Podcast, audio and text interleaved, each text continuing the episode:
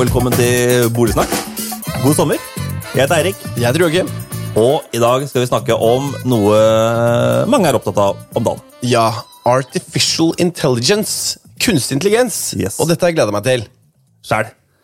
Generativ eh, AI, som det heter på, på fagspråket, eh, er overalt. Eh, Folk har testa tjenester som ChatGPT, Midjourney, DID osv. De popper opp som paddehatter om dagen. Og det er dagens tema, og vi har fått med oss en ekspert. Vi har fått med en ekspert. Utviklingen går så utrolig fort, og det blir spennende å høre mer om eh, hvordan vi kan bruke det i dag, og hva som skjer fremover. Og eksperten er Eirik Normann Hansen. Hei! Velkommen! Takk skal dere ha. takk skal dere ha. Ja. Du er kåra til årets taler. Litt tilbake. Ja. En rå formidler. Tusen takk. Tusen takk. Vi har sett deg flere ganger på scenen. Ulike foredrag.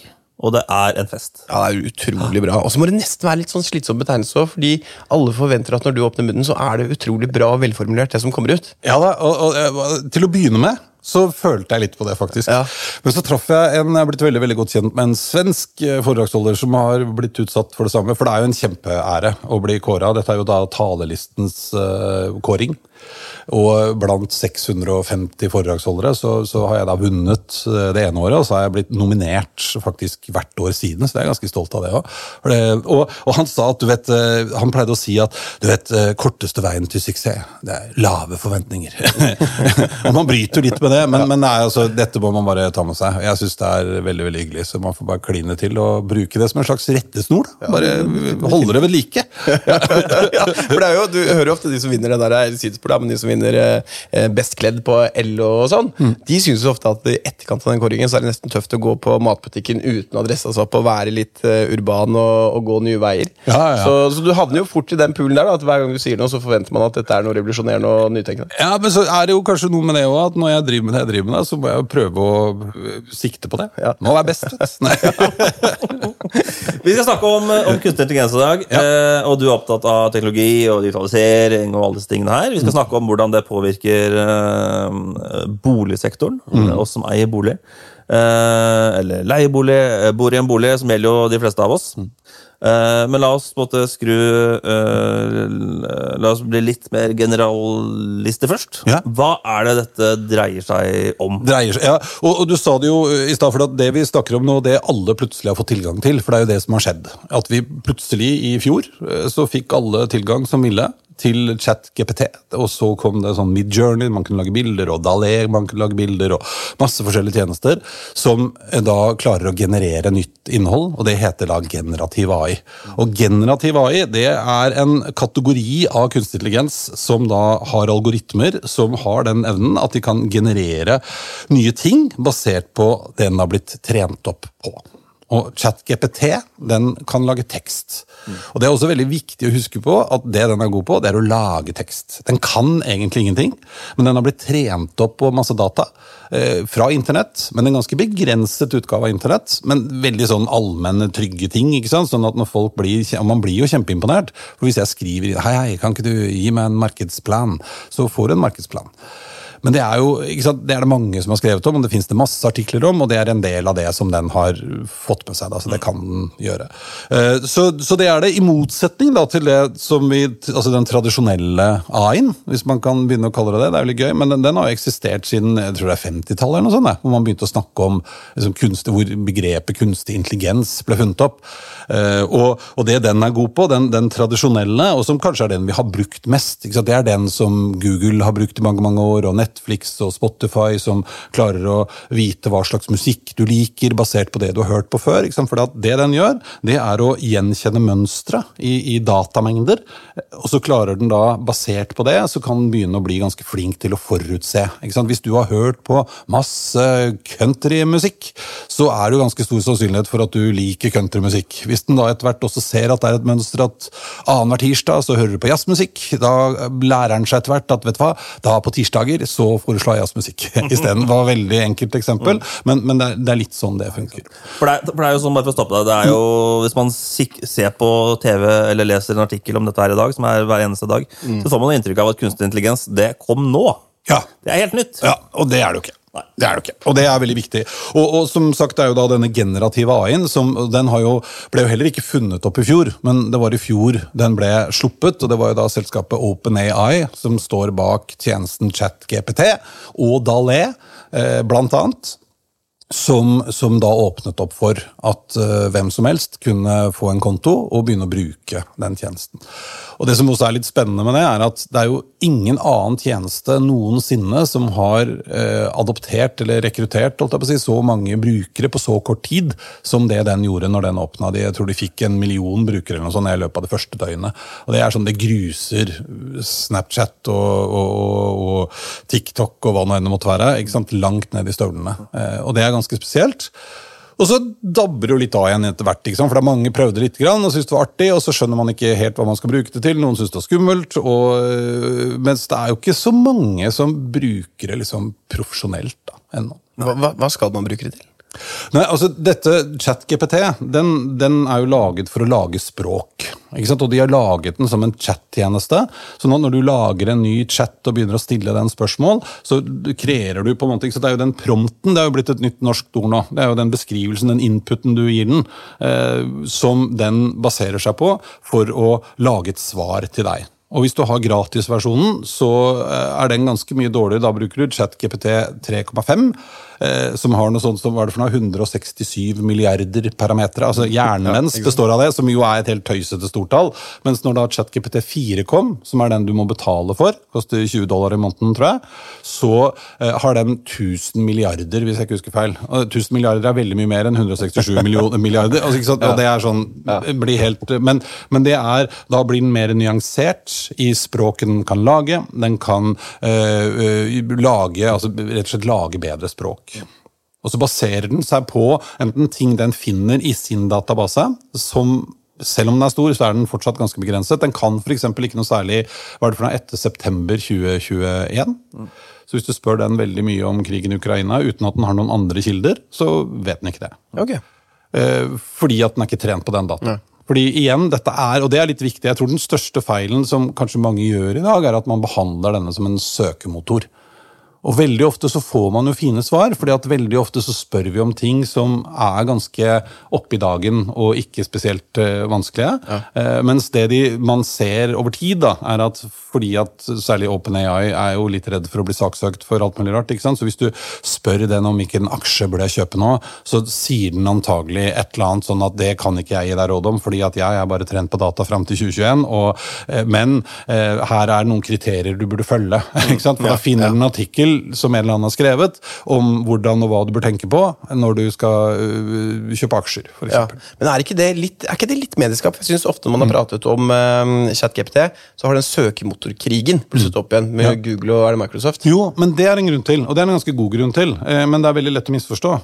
Fordi at Microsoft har jo investert heavy i OpenAI og ChatGPT, og i Bing, som er da Microsoft sin søkemotor, så har de nå inkorporert ChatGPT. Eh, eller hvis du har den betalte versjonen. Så, altså jeg anbefaler alle, hvis du virkelig har tenkt å bruke ChatGPT, så betal. For da får du en mye mye bedre tjeneste. Og En av de tingene du får da, er sånne plugins når du velger ChatGPT 4.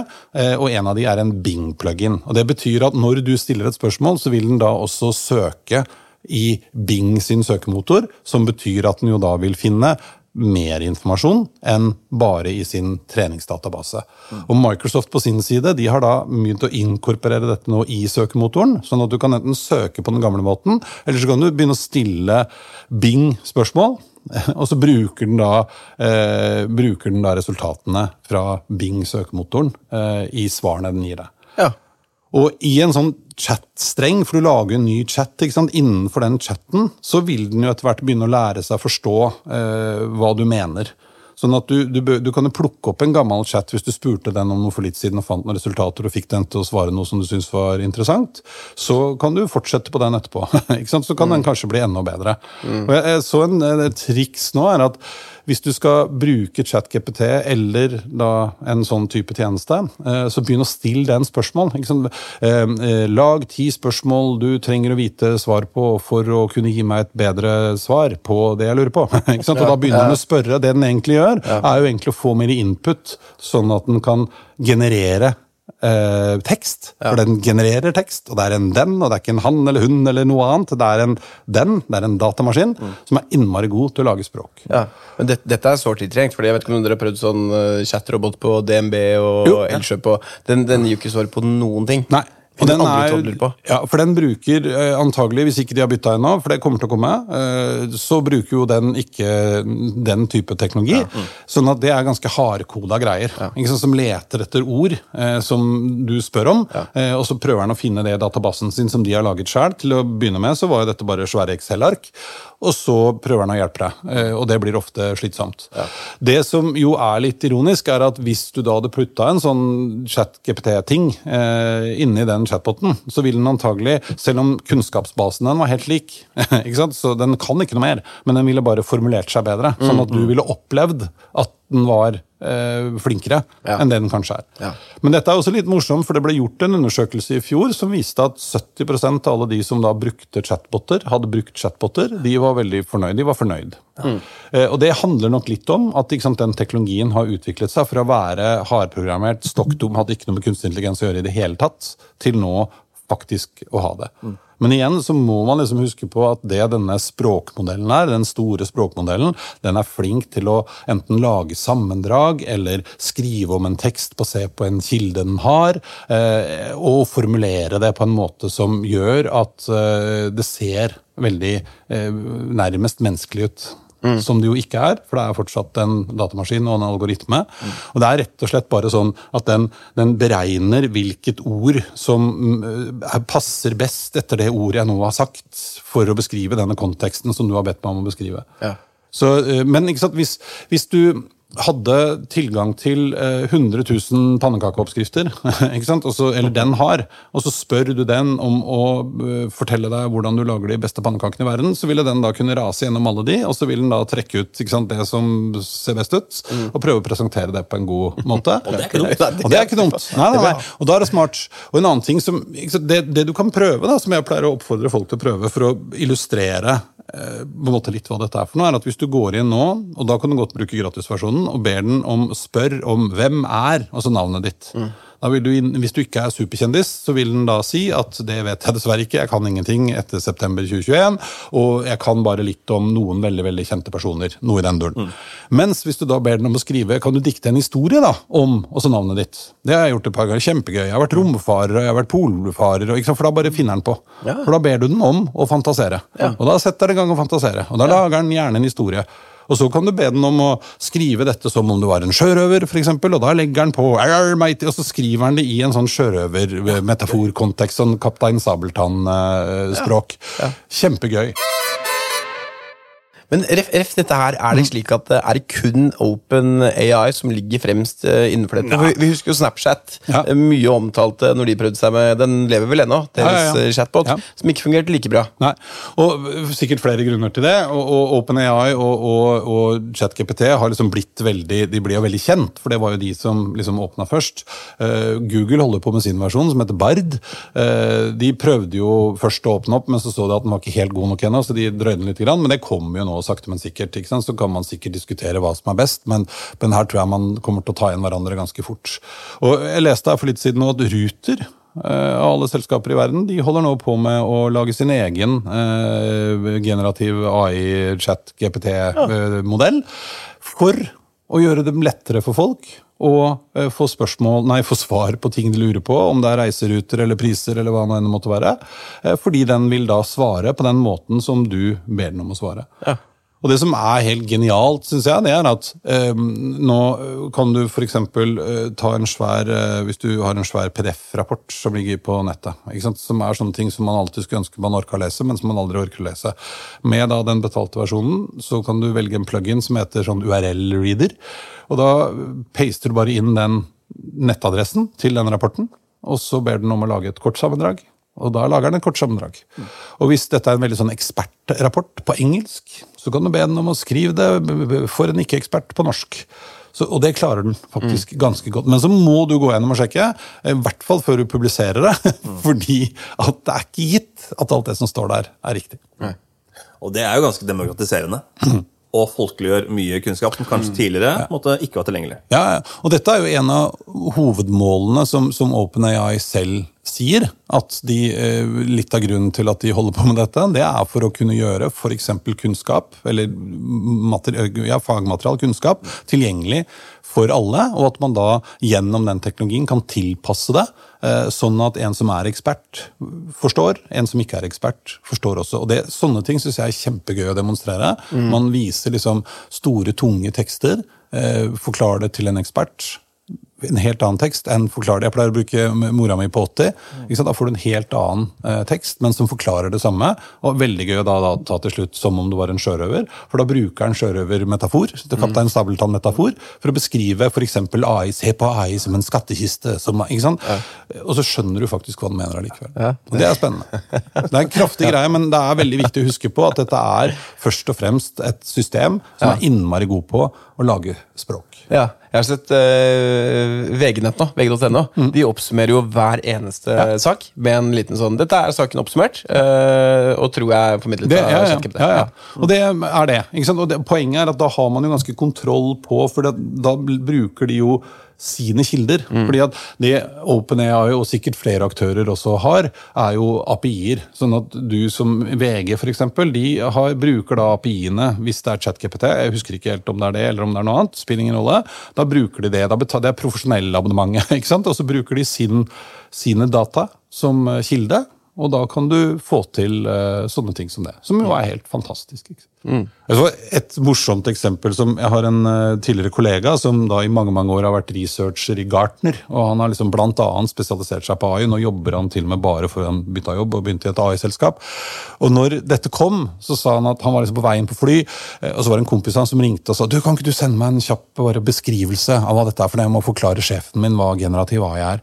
Og så tok eh, Magnus, som han heter da, de, han hadde fire punkter i en slide, så han tok de, putta de inn i ChatGPT, ba den lage en tekst basert på dette, som forklarer for en som ikke er teknolog, eh, hva dette er for noe. Den lagde en fin tekst, han pasta den inn i en mail og sendte til han kompisen.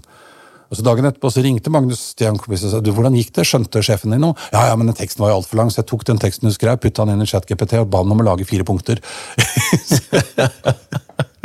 Så, da er vi, ja, ja. Det, men sant, det er litt sånne ting man kan bruke det til. Sammendrag, skrive om. Um, et annet eksempel som jeg, og en ting jeg gjør ofte sjøl, er hvis jeg har skrevet en artikkel, og så har jeg lyst til å lage en sånn eh, teaser-post til LinkedIn. Uh? Så kan du ta hele den artikkelen. Lag en post på LinkedIn uh, som markedsfører denne artikkelen. Og da lager den ferdig med lenker og emojis og For da får den hashtags. emojis òg, for det er jo en sånn megatrend på LinkedIn nå. Ja. At, Ja, alle har det. Ja. Ja. Og det morsomme er at Hvis du ber den om å lage da en post til LinkedIn, så velger den andre type emojis enn hvis du ville bedt den om å lage den til, til uh, Instagram Instagram eller eh, ja, Tinder. Veldig sjelden eh, jeg tror folk publiserer fag... Ja, kanskje ikke, jeg vet ikke, jeg har aldri vært på Tinder. må jeg innrømme. Nei. Men jeg synes jo på en måte Det vi har vært inne på nå, og min eh, subjektive opplevelse av disse verktøyene så langt, er folk som uh, har det litt gøy med deg. ikke sant? Det tester. Lag et bilde av uh, seks uh, kamerater som drikker øl ikke sant? i 40-åra. Ja. Så får du et bilde som ligner litt på det, dere som sitter ute og drikker øl. ikke sant? Ja. Men sånne som Ruter de har åpenbart et problem, så de måtte klare å løse litt delvis med dette. Ja. Men det, det, det er jo noen konspirasjonsteoretikere der ute er ute og maler på veggene, er jo at dette her kommer til å ta jobbene våre. Ja. Og eh, det tror ikke jeg, for å være helt ærlig. Eh, fordi det første som hvis vi da snakker om, Nå snakker vi om bilde, altså sånn type Midjourney og Dalé og Volt, og det fins en haug med apper og greier som lager bilder. Eh, og det er vel nå kanskje Midjourney som er den aller, aller beste. Den har jo blitt helt sykt bra. Og det første man begynte å snakke om, var jo kunstnere. ikke sant? Nå kan jo hvem som helst lage kunst. Jeg, for å være helt ærlig så tror jeg snarere tvert om. Fordi du som da har mulighet til og råd til å kjøpe et eh, ordentlig flott maleri som er laget av en person, det vil få høyere verdi enn noen greier som bare er generert av en datamaskin. Og de greiene som blir generert, de kan bli sofistikerte og flotte og fine og spektakulære, men det er egentlig, når alt kommer til alt, bare laget av en datamaskin. Det er du som har vært flink til å skrive en bra beskrivelse? Som, som gjør at det bildet blir som det blir. Eh, Så det tror jeg ikke. Det som nok kanskje kan være litt uh, skummelt for noen, er sånn type sånn stokkfotofirmaer. Ikke sant? Men så kan man tenke at går verden under Dette er en slags transformasjon. ikke sant? Eh, og man var jo redd for det samme når musikk skulle digitaliseres. ikke sant? Og så viste det seg at eh, man får en slags funksjon der òg, eh, som en sånn type aktør. da. Ikke sant? Fordi jeg blir en slags kvalitetssikrer for at de bildene som vi har godkjent her, uavhengig om det er laget av et menneske eller en AI, de er bedre enn en andre. Så jeg tror sånn i det store og det hele ikke. Det man også hører nå, er jo at flere og flere folk som jobber med kreative prosesser, bruker dette for å få inspirasjon. For Noe av det vanskeligste man gjør, det er å begynne med blanke ark. Mm.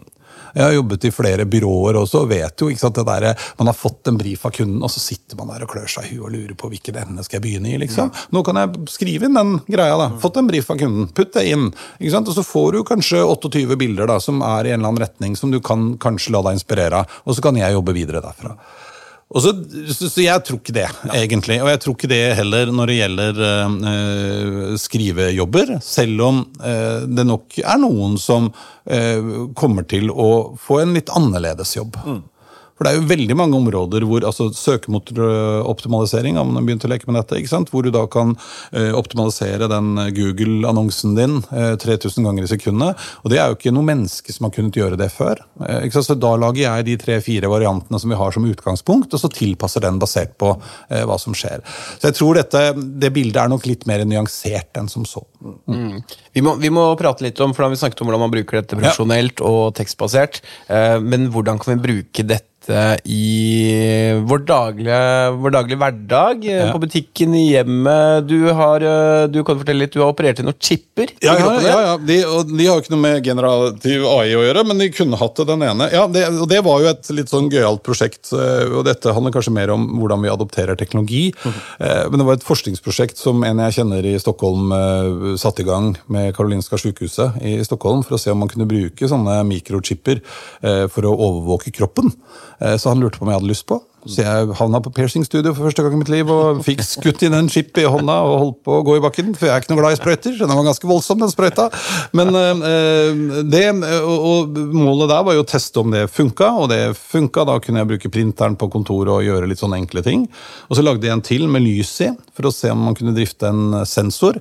Uh, og når man fikk til det også, så har man da lagd en med en sensor, så jeg har en temperaturmåler under kragebeinet, som jeg da har en app som jeg kan ta tempen på. Og det som er interessant med den, er at når den nå begynner å fungere ordentlig, og kan, jeg samler inn mine data De dataene kan jeg beholde, jeg bør ikke dele de med noen, de har jeg på min eh, telefon.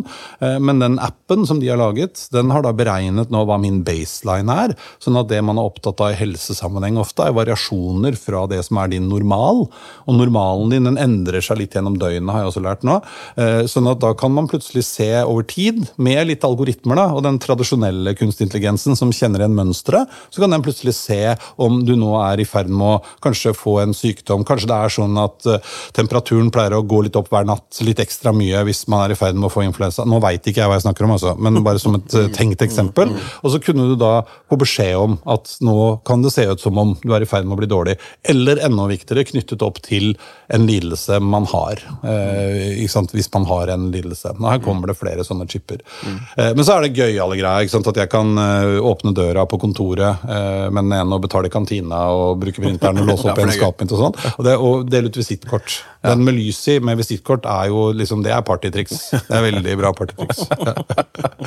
Men dette føyer seg jo inn i rekken av liksom, måten og muligheten vi har nå for å samle data. Eh, i mange mange kontaktpunkter. En annen gøyal ting jeg har på kontoret, er jo et kamera det heter FridgeCam, et kamera inni kjøleskapet som tar bilde hver gang jeg lukker inn kjøleskapsdøren. Som gjør at jeg alltid har oppdatert bilde av innholdet i kjøleskapet mitt. Mens det FridgeCamet, som da er laget av noe som heter eh, jeg husker ikke hva de heter for noe. Smarter, tror jeg. Eh, de har et samarbeid i, eh, i, Storbritannia med en av de store matvarekjedene. sånn at der kan du også skanne strekkoden, og da veit du hva du har i kjøleskapet. Eh, og du veit når ting holder på å gå ut på dato, du veit hva du mangler.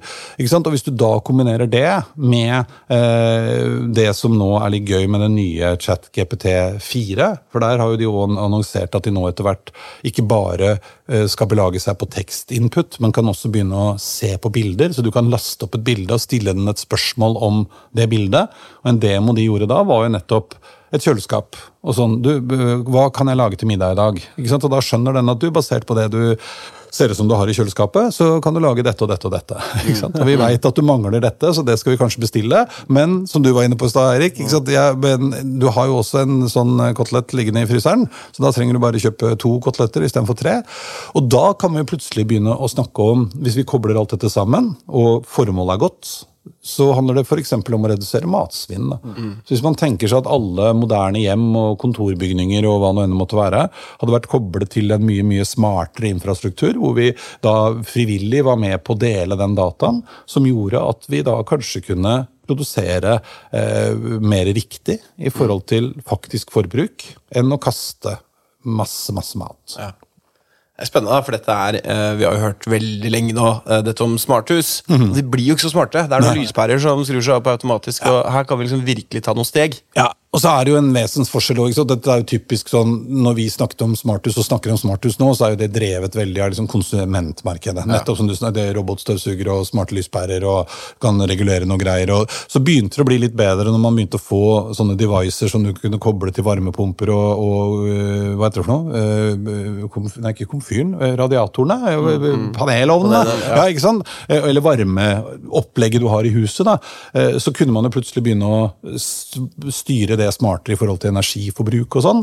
Eh, Men hvis du tar dette liksom enda et steg, som er i ferd med å bli en, eh, en realitet nå For det, for det første så, så er det veldig mange av disse selskapene som har gått sammen om å, skrive ned på en sånn standard, Matter-standarden, som gjør at Uavhengig av om du har kjøpt noe fra Google eller Philips, eller hva nå enn, så skal de kunne snakke sammen. Så du kan styre alt det du velger det du vil, og så, så funker det sammen. Fortsatt bare som konsumerting.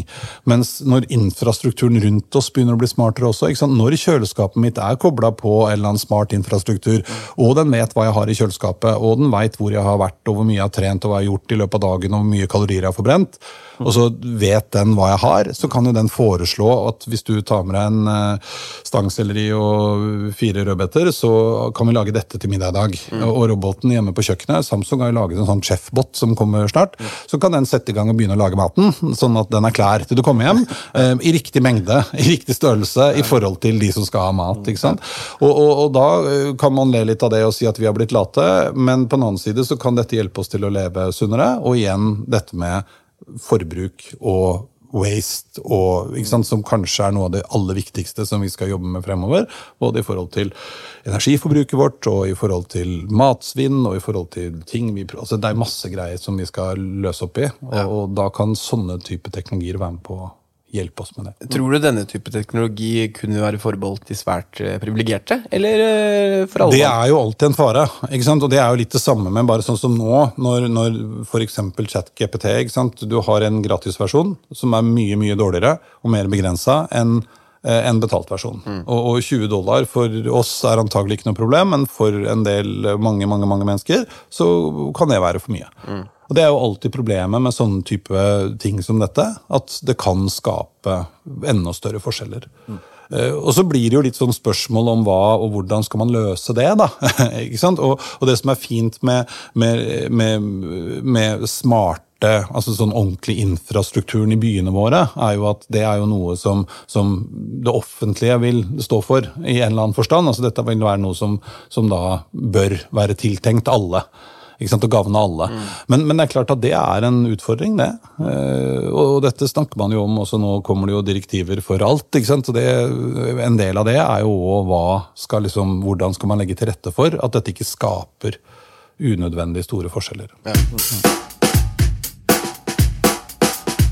Vi har snakka mye om eh, generativ AI. eh, og hva det gjør med tekst, med bilde og video. og mye produksjon, egentlig. Um, og Smarthus, som eh, Vi hadde jo din podkastkollega Hans Petter Ja. Nygaard-Hansen her Ja. for et par år siden. Vi snakka om Smarthus. Mm. er Smarthus smart? Stilte vi spørsmål om det. Svaret var vel tja. Ja. Kanskje litt mot nei. Eh, og som hører fra deg, Erik, så blir det vel kanskje inkrementelt litt smartere. Men uh, innafor generativ AI så har dette kommet som en flodbølge. Tror du ser tilsvarende som treffer måte bolig- eiendomssektoren? På noen områder så vil jeg nok tro det. Eh, men så er det jo ofte sånn også at altså den, den generativ AI-bølgen eh, den har liksom slått oss nå, og verden nå. Eh, og så er jo litt av utfordringen ofte at mye av nærmest hypen og kanskje litt hysterien imellom også, er jo ofte fundert litt i at folk ikke helt skjønner, og det er ikke så rart man ikke skjønner, for det ser noen ganger både litt skummelt og rart og spennende ut. Eh, mens når dette begynner nå etter hvert sant, å bli inkorporert i løsningene våre, Eh, så tror jeg at om ikke så altfor lenge så kommer vi ikke til å snakke om dette på samme måte. For da er det en naturlig del av eh, veldig mange av de verktøyene som vi er vant til å bruke. Det blir eh, i Office-pakker og Google-pakker og hva det måtte være. Og det samme tror jeg også vil gjelde inn i liksom, boligverden. For der hvor vi har sant, boligmappe nå, hvor man kanskje er nødt til å laste opp litt ting manuelt, og, og rapport rapporter må genereres, man tar ned ting, og, og, og så sitter det noen og knar de tallene og, og lager sammendrag og rapporter. Mange av de tingene kan man antagelig automatisere, og også knytte opp mot uh, eh, f.eks. energiforbruk eller sant, tiltak og den type ordninger. Uh, så det, det, tror jeg kommer til å bli, for dette er igjen, når vi snakker om generativ AI, uh, noe som hjelper oss til å, å lage eller skape forståelse. Den kommer ikke til å løse problemer, men den kan hjelpe til med å lage uh, vedlikeholdsplanlegging eh, og knytte det sammen. Eh, sånn at eh, Basert på annen type AI så veit vi når taket holder på å gå i stykker. så Istedenfor å vente til det faktisk begynner å lekke, så varsler den litt før og kan da sette i gang en prosess for deg hvis du vil. Mm. Så jeg, jeg, tror altså På sånne type områder, eh, som igjen blir liksom produksjon, bare på, på et annet nivå, eh, så, så, kommer det til å bli en hjelp. Og Så kan du velge å bruke det eller ikke bruke det, men man vil få type, kall det rådgivningstjenester, da, selv om det egentlig bare er automatiserte prosesser. Eh, det tror jeg. Og så, så, så er det jo klart at kunstig intelligens har jo allerede begynt å bli ganske stort i eh, utvikling av eh, eiendom og bolig.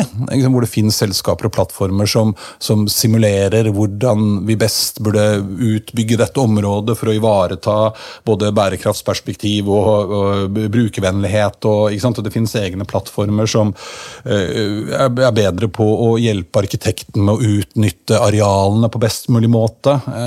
Som, nå husker jeg ikke hva det heter, for det var norsk selskap selskap som driver med det, faktisk. Eh, Som plutselig da en arkitekt har tegnet uh, ferdig i huset, og så knar den igjennom det etterpå, og så sier den at vet du hva, vi kan faktisk få fire kontorplasser til, eller uh, en leilighet til, hvis vi bare gjør sånn og sånn og sånn, og sånn, mm. for den, den, kan se det, mønstrene, uh, og hjelpe til med å generere nye ting. så jeg, jeg, tror at dette her kommer til å bety ganske mye i liksom, fremtidig utvikling av, av, eiendom i sikkert alle kategorier, men også liksom, både byer og samfunn og verden for øvrig, eh, fordi at vi er nødt til å utnytte ting smartere. Mm. Og så er det jo liksom alle sånne miljøkrav og, og, krav som kommer nå fra både EU og andre plasser. ikke sant? Som både jeg som boligeier eh, er nødt til å forholde meg til, og utvikler og altså hva det enn måtte være. ikke sant? Sånne typer systemer eh, kommer også for å hjelpe oss. fordi målet her er jo ikke at man skal rapportere for å rapportere. Det er jo fordi at vi skal ivareta, gjenbruke sirkulærøkonomi, bedre eh, energi, altså hva det enn måtte være.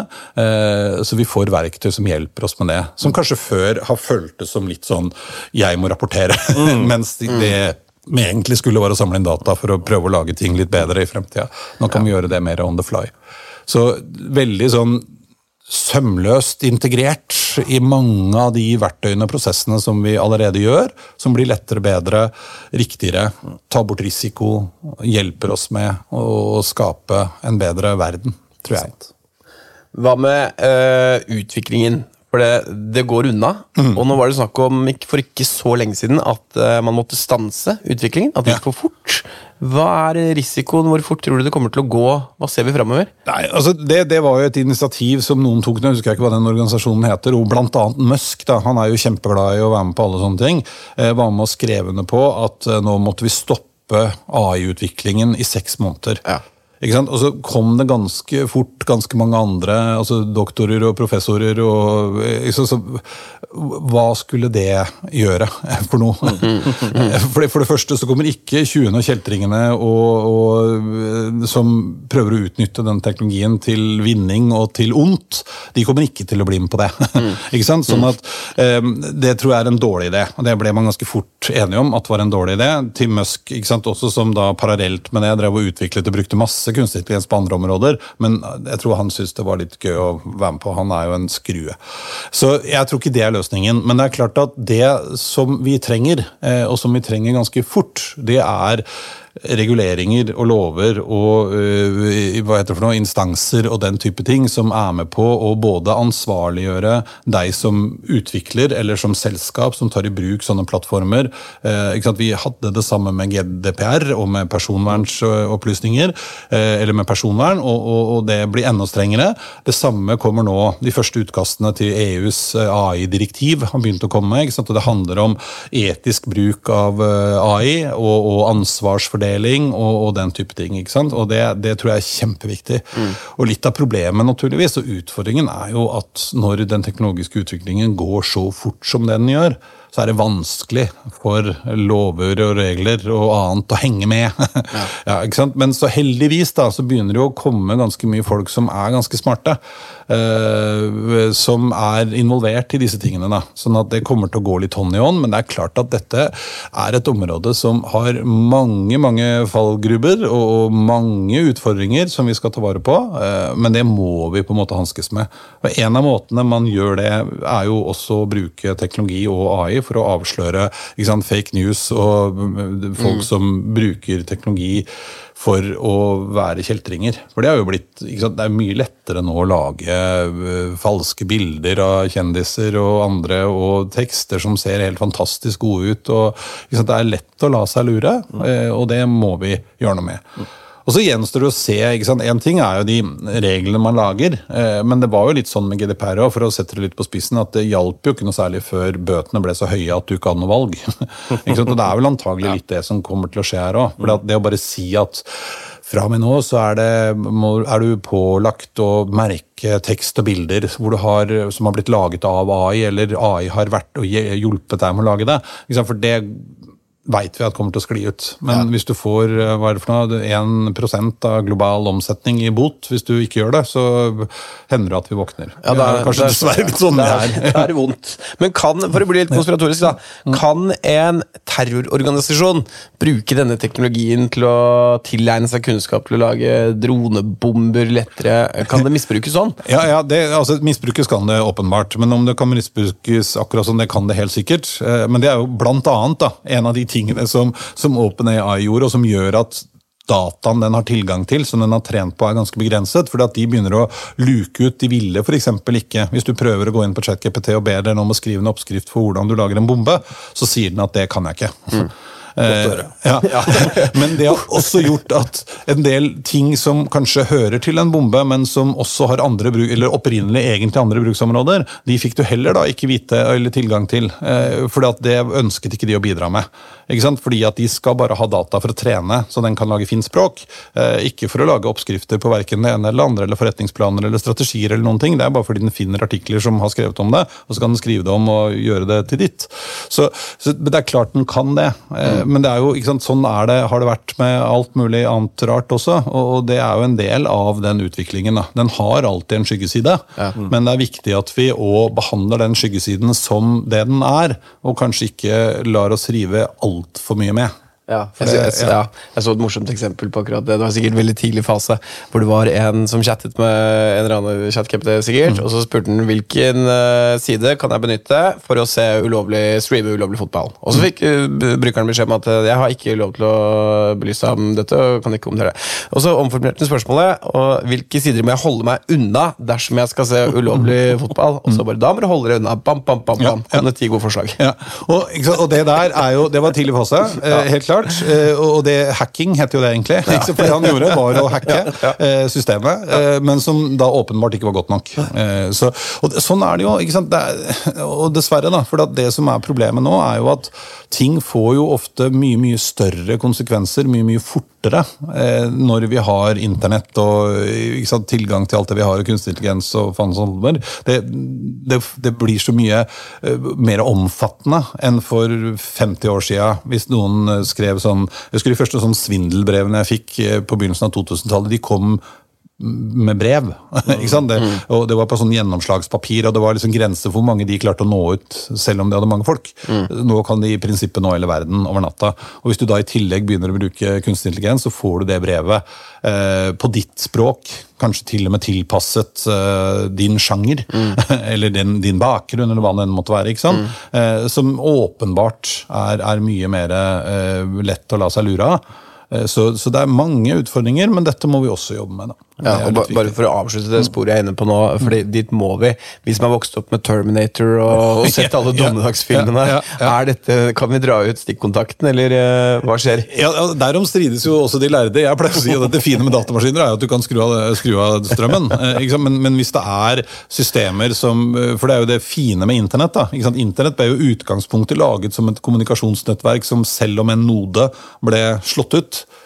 så ville kommunikasjonen fortsatt eh, bli opprettholdt. For at da gikk den bare andre veier. Eh, Så det kan jo kanskje være litt mer krevende enn som så, men til syvende og sist så kan vi jo det. Og så er det også viktig å huske at det som skjedde i Terminator For jeg hadde jo et eksempel med det. ikke sant? Jeg holdt et foredrag for et par år siden, lenge før generativ AI ble noe allemannseie, eh, på en industrikonferanse hvor jeg bl.a. snakket om kunstig intelligens og roboter. Og Da kom det en fyr bort til meg etterpå, da, på et par og 60, administrerende direktør, og sa at ja, kjempespennende det er, men vi må være forsiktige med sånne AI og roboter. Og så sa jeg hvorfor det? Hva tenker du på? Jeg husker på hvordan det gikk i Terminator. Og det, jo, men Vi kan le litt av det, men poenget er at han var seriøs, da, for det var hans referanse. Og Hvis du gjør et bildesøk på, på internett, eh, på Google, eh, etter roboter, så får du nesten bare bilder av menneskelignende roboter som gjør mennesketing. Sant? Mens faktum er at de representerer altså faktiske sånne humanoid robots som er i produksjon og som gjør noe som ligner på noe nyttig, er helt marginal. 90 av alle, kanskje ikke 90, men flesteparten av roboter som lages, det er ganske sånne mekaniske greier som er programmert til å gjøre en arm som eh, skrur sammen noe. sant? Det er revolusjon. Jeg var på robotmesse i forrige uke. Noen som har begynt å sette kameraer på, bruke kunstig intelligens, så den kan begynne å kjenne igjen ting. Så de slipper hardprogrammere den. er lettere å, ikke sant? Det er fortsatt en produksjonsrobot. Så, men at Forsvaret og, og forsvarene rundt omkring i verden jobber med å lage maskiner som er autonome, og som bruker kunstig intelligens både til å forsvare seg og til å angripe, klart de gjør. Men, men de har ikke egen vilje. ikke sant? De har ikke egen dømmekraft på den måten. De kan ikke bryte seg ut til å lage sin egen hær og gjøre opprør. Eh, Det er ikke sånn det funker. Ikke ennå. Nei. Nei, jeg tror faktisk det er en stund til vi er der, altså. Ja, det er Du har vært innom eh, dronebomber og Ja. svindelbrev og det mitt Det er mye, det er mye greier. da tror jeg det vi ja. skal prøve å gi oss eh, med Mens leken er god. Er ja. med glasset halvfullt. Eh, Men vi har vært innom at eh, det kan redusere matsvinn. Ja. Vi har vært innom at det kan varsle deg om førtaket lekker. Det er ganske mange uh, muligheter vi nok ikke ser i dag. Men fremtiden ser lyst ut, gjør den ikke det, Erik? Du, altså Jeg pleier å si det, og jeg tror jo at fremtiden både er fantastisk, og at vi er nødt til å lære oss å se litt forbi det åpenbare også. For det er veldig fort gjort å henge seg opp i sånne ting som vi snakker om nå. Mens faktum er at hvis vi tar på oss liksom de litt snillere brillene og prøver å tenke på hva kan vi bruke dette til for å skape en bedre verden, så er potensialet enormt. Masse ting vi skal passe på. Det er åpenbart vårt ansvar å, å ta de riktige og gjøre de riktige valgene. Eh, Men, men gjør vi det, så tror jeg at vi sammen kan skape noe ganske fantastisk.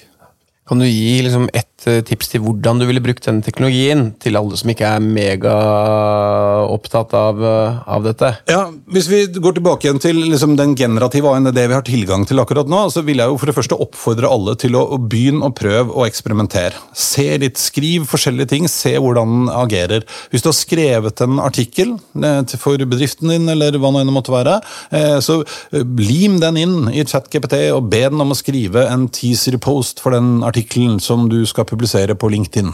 Ikke sant? Så ser du hvordan, eh, hvordan den gjør det. Eh, endre politor, se hvordan det eh, fungerer. Eh, for den læringen du gjør nå, ved å forstå hvordan disse tingene faktisk kan brukes, eh, den kommer til å bli superverdifull eh, fremover. Eirik Normann Hansen, takk for at du kom til Boligsnakk. Takk for at jeg fikk komme. Og ikke glem, nyt sommeren. Vi snakkes. Ha det bra.